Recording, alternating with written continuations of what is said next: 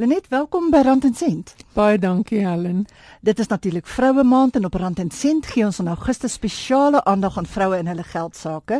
Dit gesê, die swak bestuur van geld is natuurlik nie net die vrou se domein nie en mans kan maar net so lekker klei trap. So die manne kan ook maar saam luister.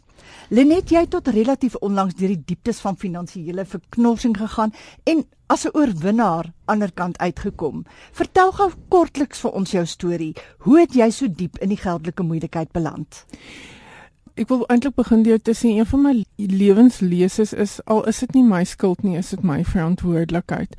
En deel daarvan in retrospek was suiwer swak bestuur, gebrek aan finansiële kennis. As ek nou daaraan terugdink in daai stadium het ek vryskut gewerk en wat 'n vernietigende impak gehad het is mense wat my laat betaal. En wat dan gebeur is gestel nou maar iemand skuld jou R10000 en hulle betaal jou nie daai maand nie, dan moet jy nou in ander bronne begin indelf om daai geld te kry om nou jou onkoste te dek. So dan gaan jy nou jou jou kredietkaart in, jy gaan in jou oortrokke fasiliteit in. Die ergste van die ergste is jy begin in jou huisverband ingaan en jy jy kom nie nooit heeltemal voor nie. Ek is baie ernstig as ek nou terugdink my gebrek aan finansiële kennis is regtig kommerwekkend en dit is ook hoekom ek my nou hoekom ek my nou beywer om ander mense se help te help so ver soos wat ek kan. Verskil die redes waarom jy so diep in die skuld geraak het enigstens van die algemene publiek of algemene vrousin? Wat laat sommige vroue dan so lekker koop dat hulle skoon perspektief verloor? Ek dink nie my motiewe verskil aansienlik van van enige ander mense nie. Ek dink een van die hoofoorwegings van mense is mense het 'n baie diep behoefte aan 'n beloning.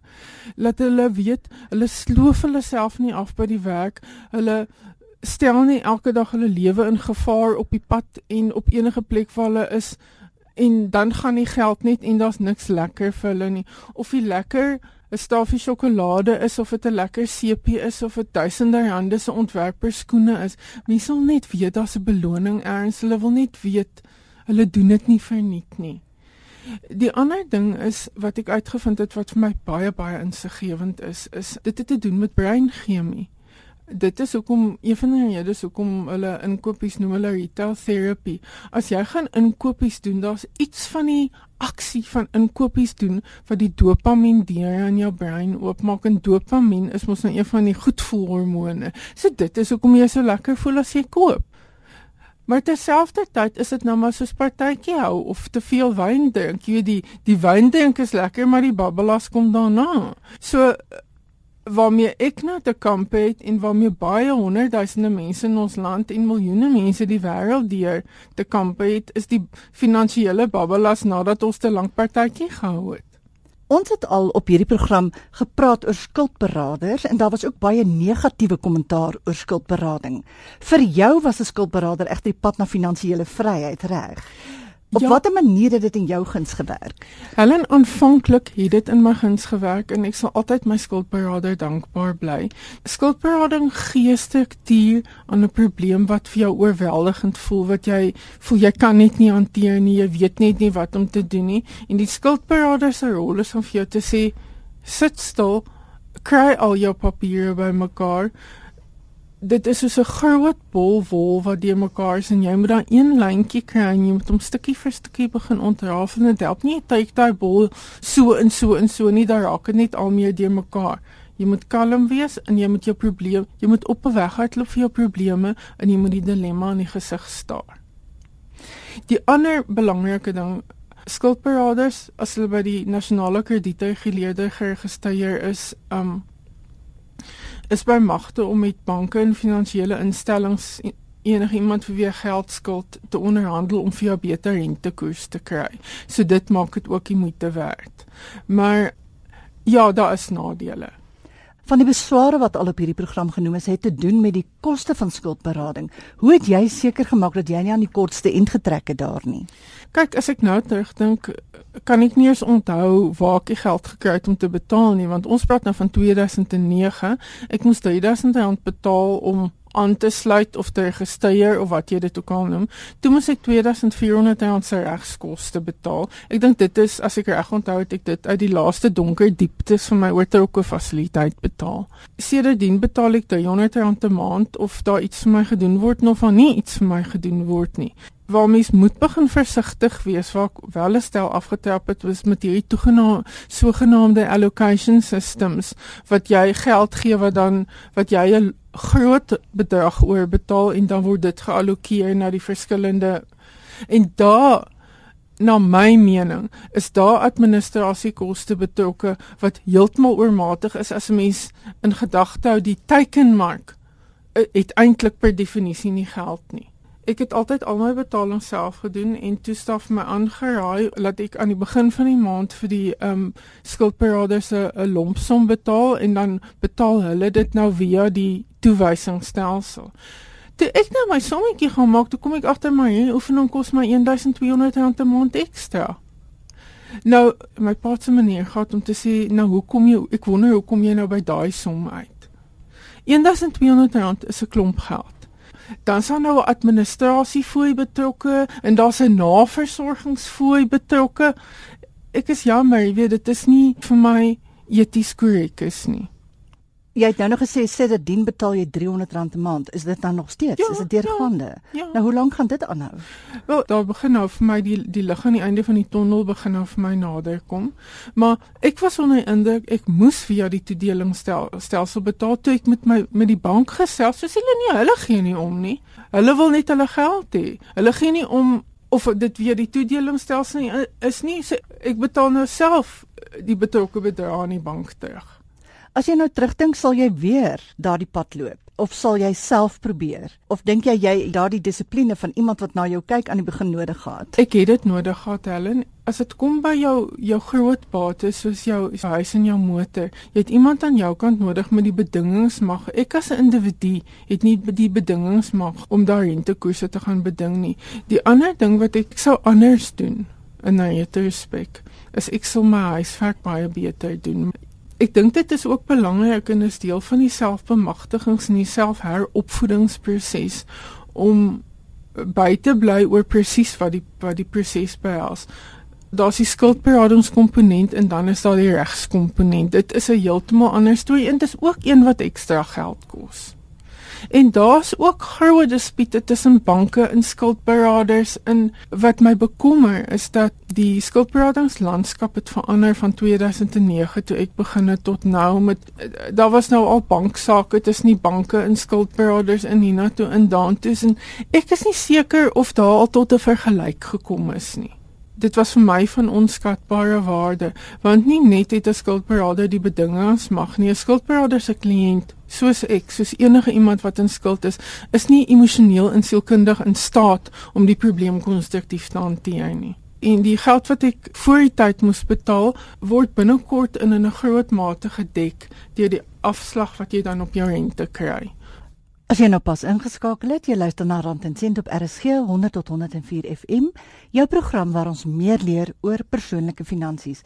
En ons praat met Lenet Retief, verbruikersjoernalis van Rapport en skrywer van die boek Een glas dooswit asseblief. Lenet, maar mense, nie net vroue natuurlik nie, is baie skaam om te erken of net te praat oor dat hulle in die skuld is. Wat is jou mening daaroor? Vir my was dit 'n baie bevrydende ervaring. Ek het begin om 'n reeks rubrieke daar te skryf verby, maar op 'n humoristiese manier en die terugvoeringe wat ek gekry het was oorweldigend. Dit was of ek 'n aar van verligting raak geboor het dat iemand die eerlikheid het om oor hierdie probleem te praat wat so 'n klomp mense het. Omdat ek nou in hierdie situasie is, is my oor natuurlik nou spesifiek oop vir hierdie tipe stories en ek 'n vriendin van my vertel vir my 'n man is 'n dominee en hy het nou op meer as een plek gaan huisbesoek doen. Dis dit hierdie groot Toskaanse villa met die halfsirkel oprit in die BMW's wat daar staan. En dan kom jy binne, dan is die enigste meubels in die sitkamer se plastiek tuinstel en 'n breë skerm TV. Ten diepste gaan hierdie skuld in hierdie bestedings kwessies waaroor ons nou praat, gaan oor mense se waardes. Een van die belangrikste dinge wat wat 'n mens vir jouself kan afvra. Dit is 'n baie eenvoudige vraag, maar vir my was dit 'n lewensveranderende vraag. Is jy moet vir jouself afvra wat is iets vir my werd? As ek deesdae in 'n winkel ingaan, miskien 10 jaar gelede sou ek nie twee keer gedink het om R2000 aan 'n handsak te bestee nie. Dis nou regte leer. Handsak, dit gaan my my hele lewe lank hou. Nou sukkel ek en dis nie finansiëel nie. Ek sukkel moreel om om dan 200 rand vir 'n handsak te betaal want dit is wat dit vir my werd is. Dieselfde gaan oor motors. Jy moenie dink 'n luukse Duitse sportmotor gaan meer van jou maak as wat jy in die eerste plek in jouself is nie. Ek noem dit die anti-Kimura beginsel. It's not on top, it's inside. Goed, geld maak nie van jou 'n beter mens nie vind vir my dit baie goed opgesom. Hy het gesê geld maak 'n mens nie gelukkig nie, maar dit maak 'n mens bly. Wat ook baie belangrik is van skuldberading wat ek ook hoog aanskryf, is een van die dinge wat dit van jou af wegneem is die illusie van geld wat krediet vir jou gee. Jy werk op 'n spaarrekening en dit is wat jy het. As jy 500 rand oor het vir die res van die maand, dis wat jy het. Jy het nie nog 5000 rand op jou kredietkaart en 7000 rand oor jou oortrokke fasiliteit nie. Daai kaarte maak dit jy so maklik want dit is nie note wat jy uithaal nie. Korrek. Jy correct. trek net die kaart deur die masjienkie en jy sien nie fisiek nee. die geld wat verdwyn uit jou rekening uit nie. En dit is dit is 'n baie probleem eh, wat ek nogal het is wat ek ook beskou as een van die sekondêre redes vir oorbesteding is juis ons is nie meer up close and personal met geld nie. As 'n enige ouer vir 'n kind sê ek het nie geld nie, gaan die kind vir hom sê mamma sit jou kaart in die masjien dit het net te maklik geword en mense maak ek dink instinktief die oordeelsfout om te dink krediet is jou geld. Krediet is nie jou geld nie. Jy kan nie jou krediet aan iemand bemaak in jou testament nie. Jy luister na Rand en Sent op RSG. Ek is Helen en ons het vandag vir Lenet Retief, verbruikersjoernalis van Rapport, in die ateljee. Sy is ook die skrywer van die boek Een glas dooswit en sy is 'n vrou wat haarself uit die skuld uit gewerk het, gespaar het, gedink het. Hoe sal jy dit beskryf? Weet jy Helen, ek is nog in die proses en ek begin uiteindelik die lig aan die einde van die tonnel sien. En dit is 'n baie baie baie belangrike punt as ek net een ding op hierdie program sou kon sê, sal ek graag dit wil sê. Ek sal nooit weer teruggaan op die pad waar ek was nie. Al wen ek môre die lotto, sal ek nooit weer 2000 rand vir 'n sak betaal nie want my waardes het verander. Nou Lenet, ek is al jare lank 'n kontant mens. Ja. Oor baie van dieselfde redes wat jy nou genoem het, is jy ook en hoe sien jy die kontant ja. Die kontant lewe eh, is my pad vorentoe wat ek wel na uitsien dis iets baie belangriks van skuldberading en 'n voordeel van skuldberading. As jy deur die proses is, is 'n rehabilitasieproses dat begin met 'n skoon rekord. Dis nie soos as jy nou geblacklist is en dan is jy nou uitgelewer aan die genade van die van die persoon of maatskappy wat jy op jou swartlys gesit het nie. Dan begin jy met 'n skoon rekord. Wat wel vir my so lekker wees is klein goedjies. Ek sal nou sukkel om 'n motor te huur want land vaar net kredietkaarte. Ek kan weer 'n kontak by videowinkel gaan uitneem want hulle check jou kredietrekord. Dit is die klein goedjies. Ja. En weet jy, ek is so bly. Ek het al baie keer gedink toe ek besef het ek is in 'n moeilikheid. Ek sê altyd ek kon nie lotto gewen het behalwe ek sal nooit want ek koop nie die kaartjie nie, maar God kon miskien vir my die lotto laat wen het of vir my 'n miljoen rand erf het, maar uit 'n beter pad vir my gekies. Een van my skuldberaders het eendag my iets vertel wat en dit is eintlik die punt wat ek wil maak. Hulle kry baie kliënte wat vir hulle sê kry ons nie terug wat was dat ons weer kan begin geld bestee. Dis nie die punt van skuldberading nie. Wat is die punt? Die punt van skuldberading is dat jy anders kyk na waarde, dat jy dat jy anders kyk na die goed wat die lewe die moeite werd maak.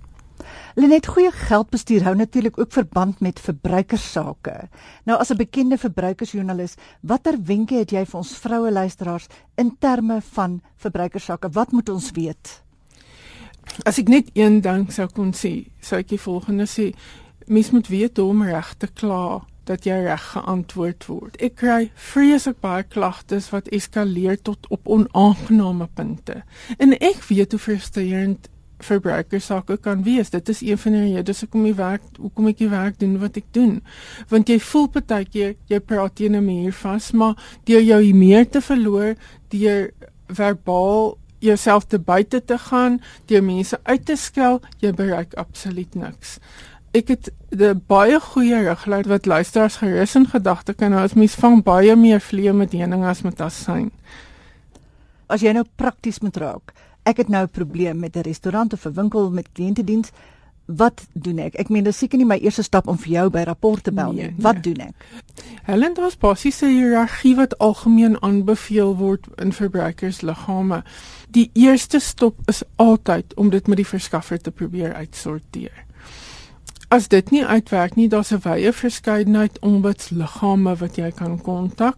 Dan gaan jy na verbruikerskommissie, maar wat ek voorstel is dat ek vir jou inligting stuur dat jy dit op hulle op op julle webwerf sit want ek het daar redelike inligting oor die verskillende vlakke wat jy kan kla en wat altyd help is as jy vir iemand bietjie verstok kan kry met vers en kapitel uit die verbruikerswet en sê want ek dink spesifiek nou aan jou voorbeeld van die van die restaurant. Sê maar jy kom by 'n restaurant en jy jy bestel vis of skilpvis en jy word siek en jy vir voedselvergiftiging dan vol ingevolge die verbruikerswet is jy daarop geregtig dat die restaurant daai koste dek. Maar daar's 'n verskil tussen die persoon wat nou die ervaring gehad het wat onbeskof optree en almal uitkry en om net baie hoflik te sê maar meneer so en so die bestuurder ek het op daai en daai dag die ervaring gehad. Ingevolge artikel so en so van die verbruikerswet is ek geregtig of ABC en D wat insluit die betaling vir my dokter se rekeninge en heg dan kopieë van jou dokter se rekening aan. Die groot uitdaging is om die emosie weg te neem uit 'n baie gelade situasie en te te fokus op die feite En saaklik te wees. en saaklik te wees. Ek weet, ek moet bieg uit my eie ervaring. As ek 'n faks kry of 'n e-pos met 20 aanhegstukke en elke sin begin met 'n hoofletter en daar's 'n paar vloekwoorde tussenin en alles eindig met 'n uitroepteken, dan dink ek dankie maar nee, dankie. Kort, bondig en saaklik. Jy is die ma van 'n seun. Ja. Watter geldlesse leer jy vir jou kind en waarom is dit so belangrik?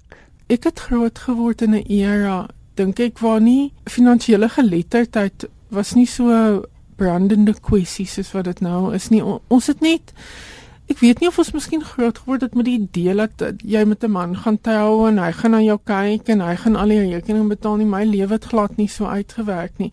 Een van die eerste dinge wat hy geleer het as mamma nie geld het nie, dan gaan dit nou nie help as hy nou die kaart in die masjien druk nie. Nog 'n ding wat ek vir hom geleer het is 'n verrassing is nie 'n verrassing as jy elke dag 'n verrassing kry nie partytjies en dit is meer iets wat ek vir medemaats wil leer as ek dit noodwendig vir hom wil leer maar ek kan nie ek kan nie bekostig om vir my dier tema partytjies te hou nie. Ek het al een van die goedkoopste lekkerste partytjies wat ek gehou het was 'n spookhuispartytjie. Ek het my huis opgevra om sy vensters toe te maak met swart um, rommelsakke. Ek het 'n vriend wat 'n klankingenieur gevra om vir my spookhuis klankbaan te maak en al die kinders kon so spooke aantrek en ek het 'n blikkie klein blikkie appelkoeskonfyt gekoop. En as die kinders daar aankom looi spook geleide dan sê ek in so bang maak stem of hulle hulle vinger in die spook van donker gat se oog wil druk. En ek het 'n rooi koeldrank aanmaak. Rooi koeldrank het ek in so 'n um, houer met 'n kraantjie gesit en gesê daar's die bloedbank kry vir julle. Ehm um, en ja, dit was 'n goedkoop partytjie wat almal baie geniet het. So dit gaan alles eintlik oor 'n nuwe manier van dink. Ja, Bietjie en, meer vindingryk wees. en dit is soveel meer, bietjie meer pity, maar dit is baie meer lonend. En weet jy sielkundig terwyl ek besig was om een glas doos vir te skryf, het ek ek het 'n paar perspektiewe gekry, 'n sielkundige perspektief, ekonomiese perspektief, 'n geestelike perspektief. En een van die sielkundiges met wie ek gepraat het, het vir my gesê deur ons kinders finansiëel op te voed, voed ons weer onsself op. So elke tye van die pad leer ek saam met Nicolas. En jy weet dit is 'n groot uitdaging vir my, jy weet want al sy maatjies het Wi-Fi's en PlayStations. Dan sê my ma, mamma, al my maatjies gaan twee keer 'n jaar Kaap toe en so jy nou voel ek nou maar so bietjie soos wat toe ons klein was, my ma's verskriklik baie pak gegee en uh, sy het so klaar geslaan dis sy eendag sê hulle vir my dankie sê. Jy weet en ek dink ek praat baie met Nicolas nie omdat ek dink hy gaan onmiddellik verstaan nie, maar iets gaan van hom bybly want ek dink Ons lei 'n baie interessante en verbeeldingryke lewe. Wat is jou beste besparingswenk? My heel beste besparingswenk is hoe minder jy by winkels uitkom, hoe minder is jou kans om te koop. Een van my gunsteling aanhalinge, ek is maler aanhalinge is die oorlede komediant Irma Bombek wat gesê het die statistiese kans dat as jy by 'n winkel inloop om 'n brood te koop om net met 'n brood uit te kom ons omtrent 1 biljoen teen 1. Jy weet ek het al agtergekom. Ek snou 'n voorbeeld gee wat ek nou self ervaar het. Aan die begin van die maand gaan doen ek nou groot inkopies, dan koop ek nou al die reinigers vir die huis en blikkies kos en dit en dit en dit. Dan kyk ek 'n SMS vir my huis op wat sê maar die ouma is op. Dan hou ek nou by 'n ander winkel stil. Jy koop nie net die ouma nie, skielik sien jy ietsie, daar skielik sien jy iets ietsie anders. Ander verbandhoudende mini wenk. Ignoreer die chocolates terwyl jy in die ry staan. Hulle sit dit nie om dowe neute daar nie, nê? Nee. Ja, en nog 'n baie baie belangrike en praktiese wenk. Kyk hoeveel kos 'n produk per 100 gram of per kilogram. Groter is nie altyd goedkoper nie.